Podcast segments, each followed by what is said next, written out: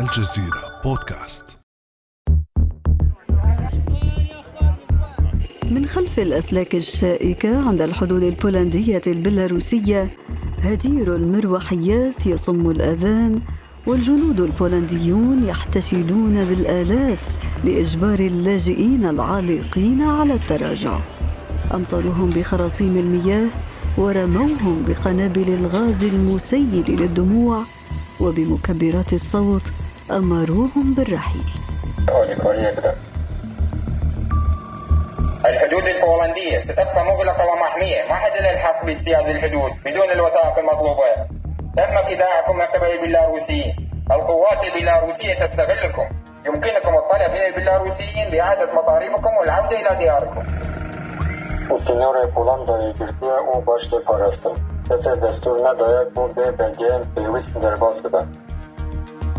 في الجانب الآخر وسط غابة وعرة وفي أجواء جليدية ممطرة أم سورية تفترش الأرض مع ولديها وقد تجمدت الدماء في عروقهم من البرد.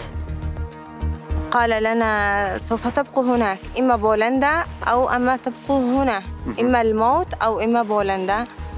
فذهبنا إلى الحدود البولندية وطلبنا النجدة من الجيش البولندي. طلبنا منهم أن ندخل نعبر الحدود البولندية لأن الأطفال جائعون وبرد والأطفال مرضى فقالوا لنا اذهبوا إلى سوريا. لكن العودة تبدو خيارا غير مطروح أمام الكثير من اللاجئين إلا من قضى منهم متجمدا في الغابات وانتهت رحلته قسرا سيركا سيركا درمان درمان سيركا خلاص قاعد Caleb, no go to Poland. We are go to Germany. No Poland. فلماذا يخاطر اللاجئون بحياتهم للعبور إلى أوروبا وما تداعيات اللجوء على دول المنشأ والدول المستضيفة وكيف تبدو خارطة اللاجئين اليوم حول العالم بعد أمس من الجزيرة بودكاست أنا أمال العريسي.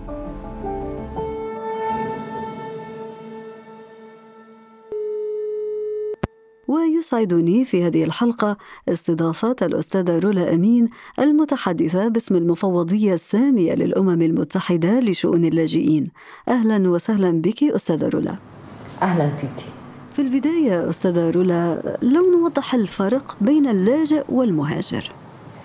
سؤال مهم وأنا مبسوطة أنه بدأت بهالسؤال لأنه الفرق يعني آه، له متتبعات المهاجر هو الذي يترك بلده ويتخطى الحدود إلى بلد آخر بحثا عن حياة أفضل. اللاجئ هو من يضطر أن يترك منزله وبلده لأن هناك خطر على حياته، حقوقه أو حرياته. وهو مضطر إلى الفرار حفاظا على حياته وحياة عائلته. اللاجئ له حقوق حسب المواثيق الدولية في التماس الحماية الدولية في البلد الذي يصل إليه وبغض النظر عن الوسيلة التي يتخذها في الوصول إلى ذاك البلد سواء هو آه، وصل خلال الممرات والمعابر الرسمية أو بطرق أخرى. المواثيق الدولية تعطي اللاجئ الحق في التماس الأمان والحماية في هذا البلد والدول لديها التزامات دولية بعدم إعادة اللاجئ إلى البلد الذي غادره طالما هناك خطر على حياته أو حريته أو حقوقه. طيب أستاذة رولا لنرسم معا خارطة اللاجئين. نحن تحدثنا الآن عن الفرق. المهاجر هو من يختار الرحيل عن بلده لكن اللاجئ مضطر لفعل ذلك. أين هم اللاجئون؟ أين مواقعهم؟ صحيح. وأود أن أوضح نقطة آه، أنه حتى لو كان المهاجر يترك بلده طوعا وترك البلد هو خيار فلديه حقوق. تضمنها المواثيق الدولية آه، سلامته كرامته المعاملة الإنسانية. آه، في العودة إلى موضوع اللاجئين للأسف أعداد الأشخاص الذين يضطرون إلى ترك بيوتهم وبلادهم بسبب النزاعات والحروب في تزايد سريع جدا. آه، خلال عام 2021 ونحن في المفوضية قبل فقط أيام أصدرنا التقرير النصف السنوي آه، تخيلي أنه لدينا الآن 26.6 مليون لاجئ في العالم. هذا رقم كبير. عدد النازحين في العالم سواء هم لاجئون عبر الحدود أو اضطروا للنزوع عن بيوتهم وموجودون ما زالوا في بلدانهم أكثر من 82.4 مليون نازح ولاجئ. رقم مهول جدا. هذا رقم ضخم. يعني رقم فعلا مأساوي خاصة إذا عرفنا أنه في خلال السنوات العشر الماضية أو ال 11 سنة الماضية هذا العدد تضاعف. يعني كان 40 مليون خلال عشر سنوات وصل إلى أكثر من 82 مليون. هذا يدل على ازدياد الحروب وازدياد الأزمات والفترة التي يضطر فيها اللاجئ أو النازح إلى البقاء خارج بلده أو بيته تطول عشان هيك الأرقام الآن مهولة.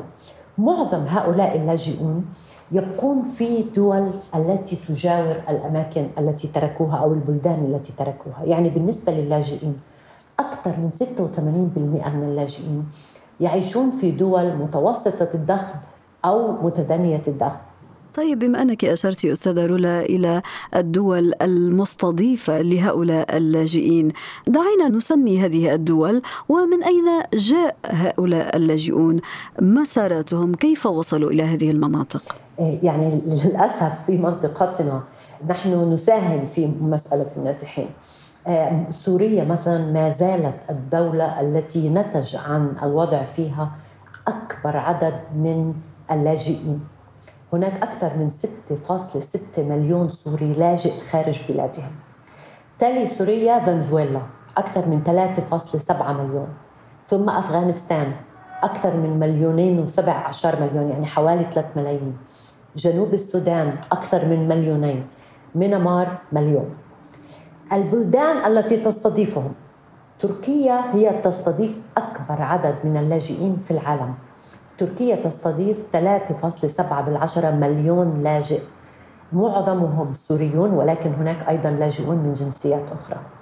كولومبيا تستضيف مليون وفاصلة سبعة بالعشرة مليون لاجئ 700 ألف. باكستان تستضيف مليون ونص لاجئ. أوغندا تستضيف مليون وأربعة بالعشرة مليون لاجئ. آه، كما ترين معظم الدول التي تستضيف أكبر عدد من اللاجئين هي ليست الدول الأوروبية وليست الدول المتقدمة هي دول تعاني من مشاكل وصعوبات واقتصاد ينوء تحت تحديات شتى ومع ذلك هم يستضيفون الأعداد الأكبر من اللاجئين في العالم. وهذا ربما يطرح أستاذة رولا سؤال عن وضعية اللاجئين في هذه البلدان التي هي في حد ذاتها تسبب لها أزمة اللجوء صعوبات على مستوى النمو الاقتصادي وهي غير قادرة على استيعاب هذه الأعداد الكبيرة.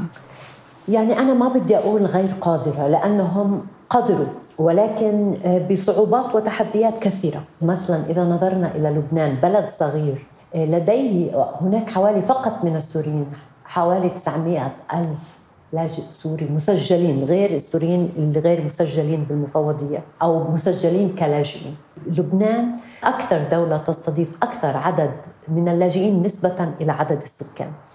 الأردن كذلك يستضيف عدد كبير بلد صغير ولكنه يستضيف أكثر من حوالي 700 ألف لاجئ بين سوري وعراقي ويمني. وسوداني وغيره وفلسطيني نعم. وفلسطيني نعم. منطقتنا للأسف تنزح تحت أعباء النزوح سواء نازحين داخليا كاليمن والعراق أو لاجئين كما يحدث بالوضع السوري وموجودين هنا. هذا يعني ماذا يعني؟ يعني لهذه الدول آه، تحديات لأن البنية التحتية في هذه الدول ليست بنية تحتية متقدمة. الخدمات فيها كالخدمات الصحية والخدمات التعليمية أيضا يعني يا دوب إحنا بنقول آه، تستطيع توفير الحد الأدنى من الخدمات لمواطنيها، فكيف ستستوعب هذا العدد الكبير؟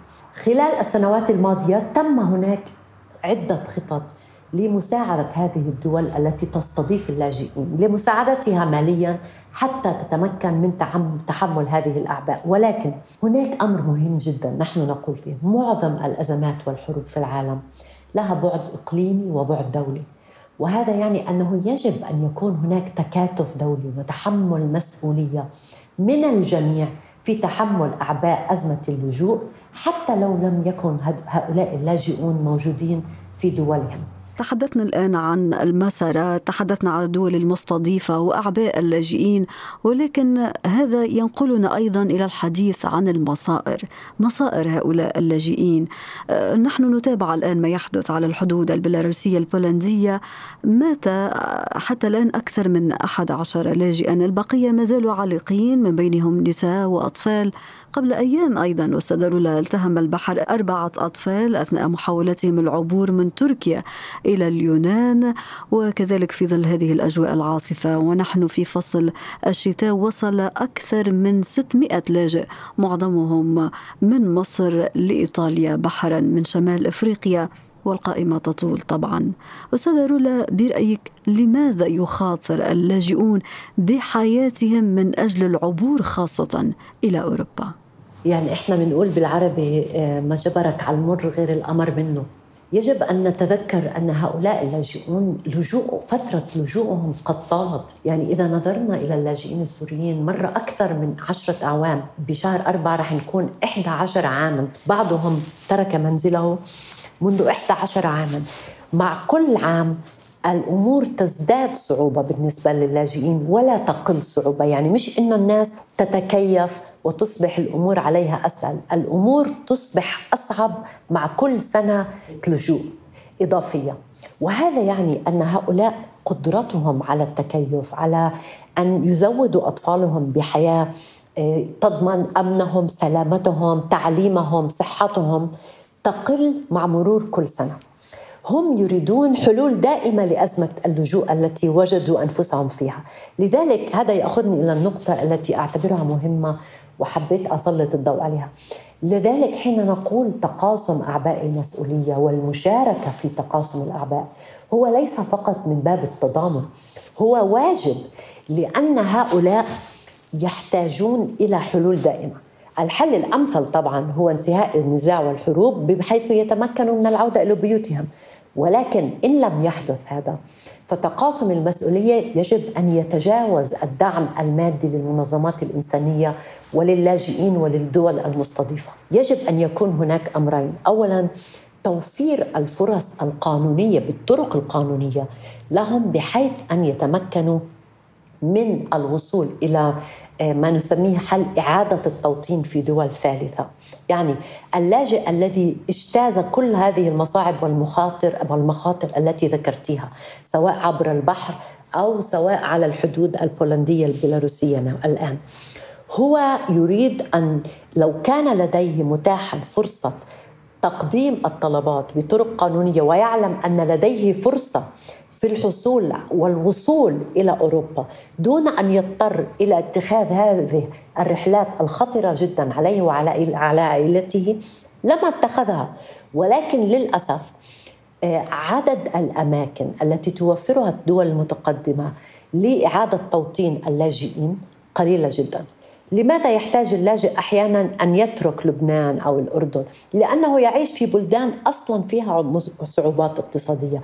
قدرة هذه البلدان على استيعاب أطفاله في المدارس على تقديم الرعاية الصحية لهم على إعطائهم فرصة وأمل في حياة أفضل قليلة هو يريد حل لأزمة اللجوء التي يمر فيها وهي مأساة وضرب من الجنون والجحيم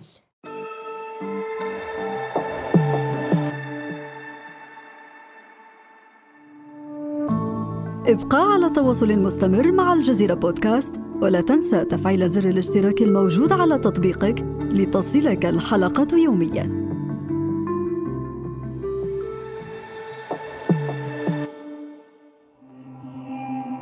كما ذكرت يا أستاذة رولا يعني الرحلات اللجوء هذه رغم المخاطر المحفوفة بها من كل جانب لا يعني أنه اللاجئ يوصل للبلد اللي هو كان وجهته يعني أنه كل مشاكله تحلت. مشاكله قد تدخل فصل جديد من المآسي. من بين سيناريوهات أستاذة رولا التي نتابعها اليوم وتشمل الكثير من اللاجئين هو عملية الإعادة القسرية للاجئ في بعض الدول مثلا الدنمارك قررت الإعادة القسرية للاجئين السوريين أو البعض منهم رغم أن منظمة هيومن رايتس ووتش أكدت في عدة تقارير أن العشرات من اللاجئين السوريين يتعرضون للانتهاكات بعد عودتهم إلى بلادهم. لنستمع لشهادات بعضهم. أنا أولادي هون وأنا مطلوبة للنظام السوري. ليش بدهم يرحلوني؟ سكر كل شيء بوشي وما عاد عرفت واسي حالي ولا واسي اولادي كمان اللي هن هون صار لهم ست سنين. اندمجوا ودرسوا صار عندهم أصدقاء وعم يفكروا بالمستقبل تبعهم. ما تعليقك على هذه العمليات عمليات الإعادة القسريه للاجئين؟ طبعا موقف المفوضية واضح. إعادة اللاجئ إلى بلد هو يشعر أن هناك خطر. فيها على حياته أو حقوقه أو حريته هو أمر يتنافى مع المواثيق الدولية ومع ميثاق والإعلان العالمي للاجئين وحقوق اللاجئين. نحن لا ننفي لنقل حق الدول في أن تدير سياساتها وأن تدير حدودها ولكن دائما نقول هذا لا يتعارض ويجب الا يتعارض مع حق هؤلاء في التماس الحماية الدولية وواجب هذه الدول في إعطائهم الفرصة وإعطائهم الأمان وعدم إعادتهم قسرا إلى الدول التي تركوها. هذا ما يقوله القانون الدولي استاذه رولا ولكن نعود إلى مثلا إلى الحدود البولندية البيلاروسية، تحول اللاجئون كما يقول المتابعون تحولوا إلى ورقه سياسية، يعني بيلاروسيا تهدد بقطع الغاز الذي يمر عبر أراضيها إلى أوروبا، أوروبا تساند بولندا وتغلق الحدود أمام اللاجئين. نعم وهذا مرفوض مرفوض طبعا مرفوض استخدام آه، يأس الناس والظروف الصعبة التي يمرون بها سواء كانوا مهاجرين أو لاجئين. وإعطائهم الوعود المضللة وأوهام لتثبيت والأغراض السياسية في واستعمالهم كأدوات في المناكفات السياسية. هذا أمر مرفوض ولكن هذا لا ينفي أن من وصل هناك له حقوق. سلامته يجب أن تضمن حقوقه وحرياته وحقوقه في المساعدة حقوقه في التماس اللجوء حقوقهم في التماس حلول عادلة وتتماشى مع القوانين الدولية والقوانين الإنسانية كل حسب حاجته. يجب أن لا يتنافى حتى لو كان هناك استخدام له. يجب أن تكون الأولوية والتركيز على المآسي الإنسانية الموجودة الآن الأولوية لإيجاد حل لهؤلاء لحاجتهم الإنسانية إلى حلول وللاجئ الذي يلتمس الحماية الدولية لديه الحق في التماس هذا اللجوء في البلد الذي يصله. هذه أمور واضحة ينص عليها القانون الدولي. بولندا وبيلاروس موقعتان على هذه الاتفاقيات وعليهم احترام هذه المواثيق والدول الأوروبية بشكل عام أيضا لديها وحسب قوانينها لديها التزامات. يجب أن يكون هناك تكاتف من الجميع لإيجاد حلول منصفة وإنسانية تحفظ سلامة هؤلاء وكرامتهم.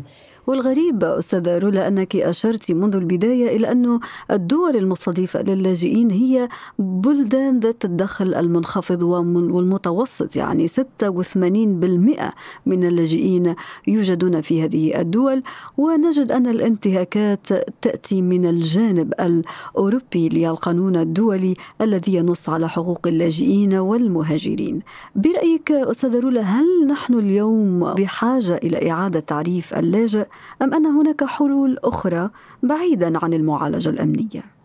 يعني نحن لا نحتاج إلى إعادة تعريف اللاجئ أو إلى العبث بحقوق اللاجئ المثبتة نحن بحاجة إلى التزام متجدد وجديد من, جم... من الجميع بهذه الحقوق والتزام بتطبيقها والتزام بإعطاء اللاجئ الحق ليس فقط في التماس اللجوء والأمان ولكن أيضا في أن يكون لديه فرصة لحياه أفضل أن يكون يتم إدماجه بالمجتمعات التي يصل إليها.